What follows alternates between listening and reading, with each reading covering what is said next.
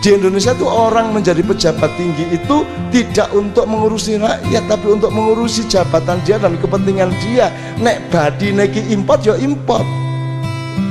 Gitu pak. Nek ancane sing badani import ya import. Modaro kowe petani. Nah itu menteri itu supaya tidak begitu harus ada presiden sing tenanan. Nah urung duwe ya pak di presiden sing tenanan kuwi. Ana ning jae langkung digerak-gerak kayak gitu loh. Dan ada yang menggerakkan Jaya Langkung dari belakang karena dia yang membayar semuanya awal dan gitu.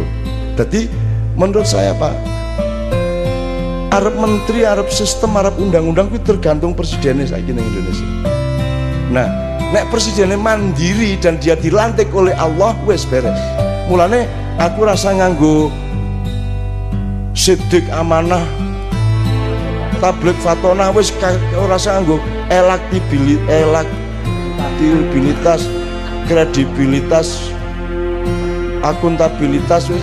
Utawa nganggo Satrio Pinandito Sinisian Wahyu apa nganggo Alimul Wabi Wasalu sampe wis rasa nganggo kuwi. Pokoke pemimpin Indonesia ming, ming syaratnya ming sederhana. Diwedeni karo malati. Sapa wae wedi?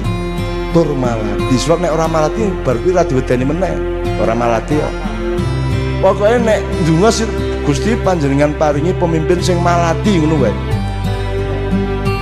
Dadi wiritane kuwi malati malati ngono. Lho nek ora ora ora ana wong wedi Mas. Allah ora wedi kok nang Gusti Allah ora wedi.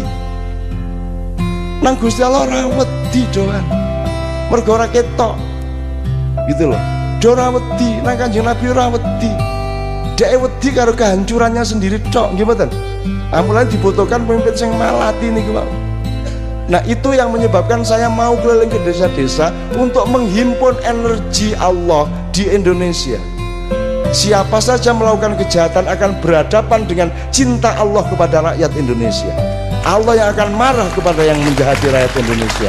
Mengulut dok mas, tujuan kulo niku mulane kulo gelem bermalam-malam seperti ini hampir tiap malam. Meng aku kepingin ke atine wong oke sing ikhlas supaya Allah mencintai kemudian sampean didadeki kekasih Allah gitu ya.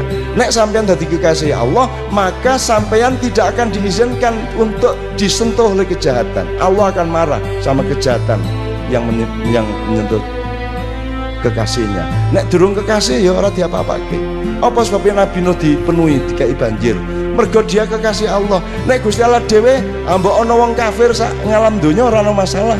Ora rugi. Ana wong sembayang taat kabeh ya ora badi Gusti Allah.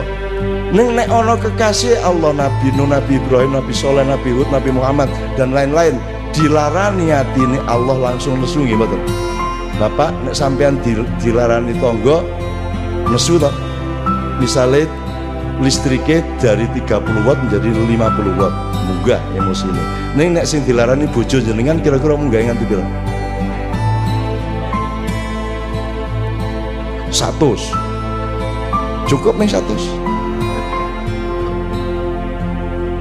pateni ngono to? Mesti hatimu pateni. Nah, caro.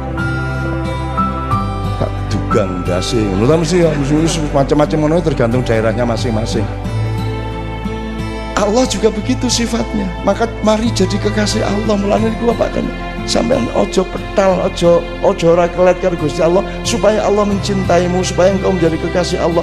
Dan kalau engkau menjadi kekasih Allah Allah tidak akan tega membiarkanmu menderita. Dan Allah tidak akan mau membiarkan kamu disakiti orang. Dia yang akan marah kepada orang yang menyakiti sampean. Dan saya himpun seluruh Indonesia supaya menjadi kekasih Allah. Karena kalau lewat jalan demokrasi gak iso lewat jalan revolusi ndak bisa. Lewat jalan aku wis wis reformasi wis tak lakoni. Wis tak ke Soeharto tak ke Gus Dur. Ning ora dadi solusi sama sekali. Saya tidak akan mencari solusi dari dunia dari bumi. Saya akan mencari solusi dari langit. Dan caranya adalah gede ke atine wong oke supaya jenengan percaya Gusti Allah mantep ke Allah terus dadi kinasihing Allah. Ngoten kira-kira ya? Itu Pak ya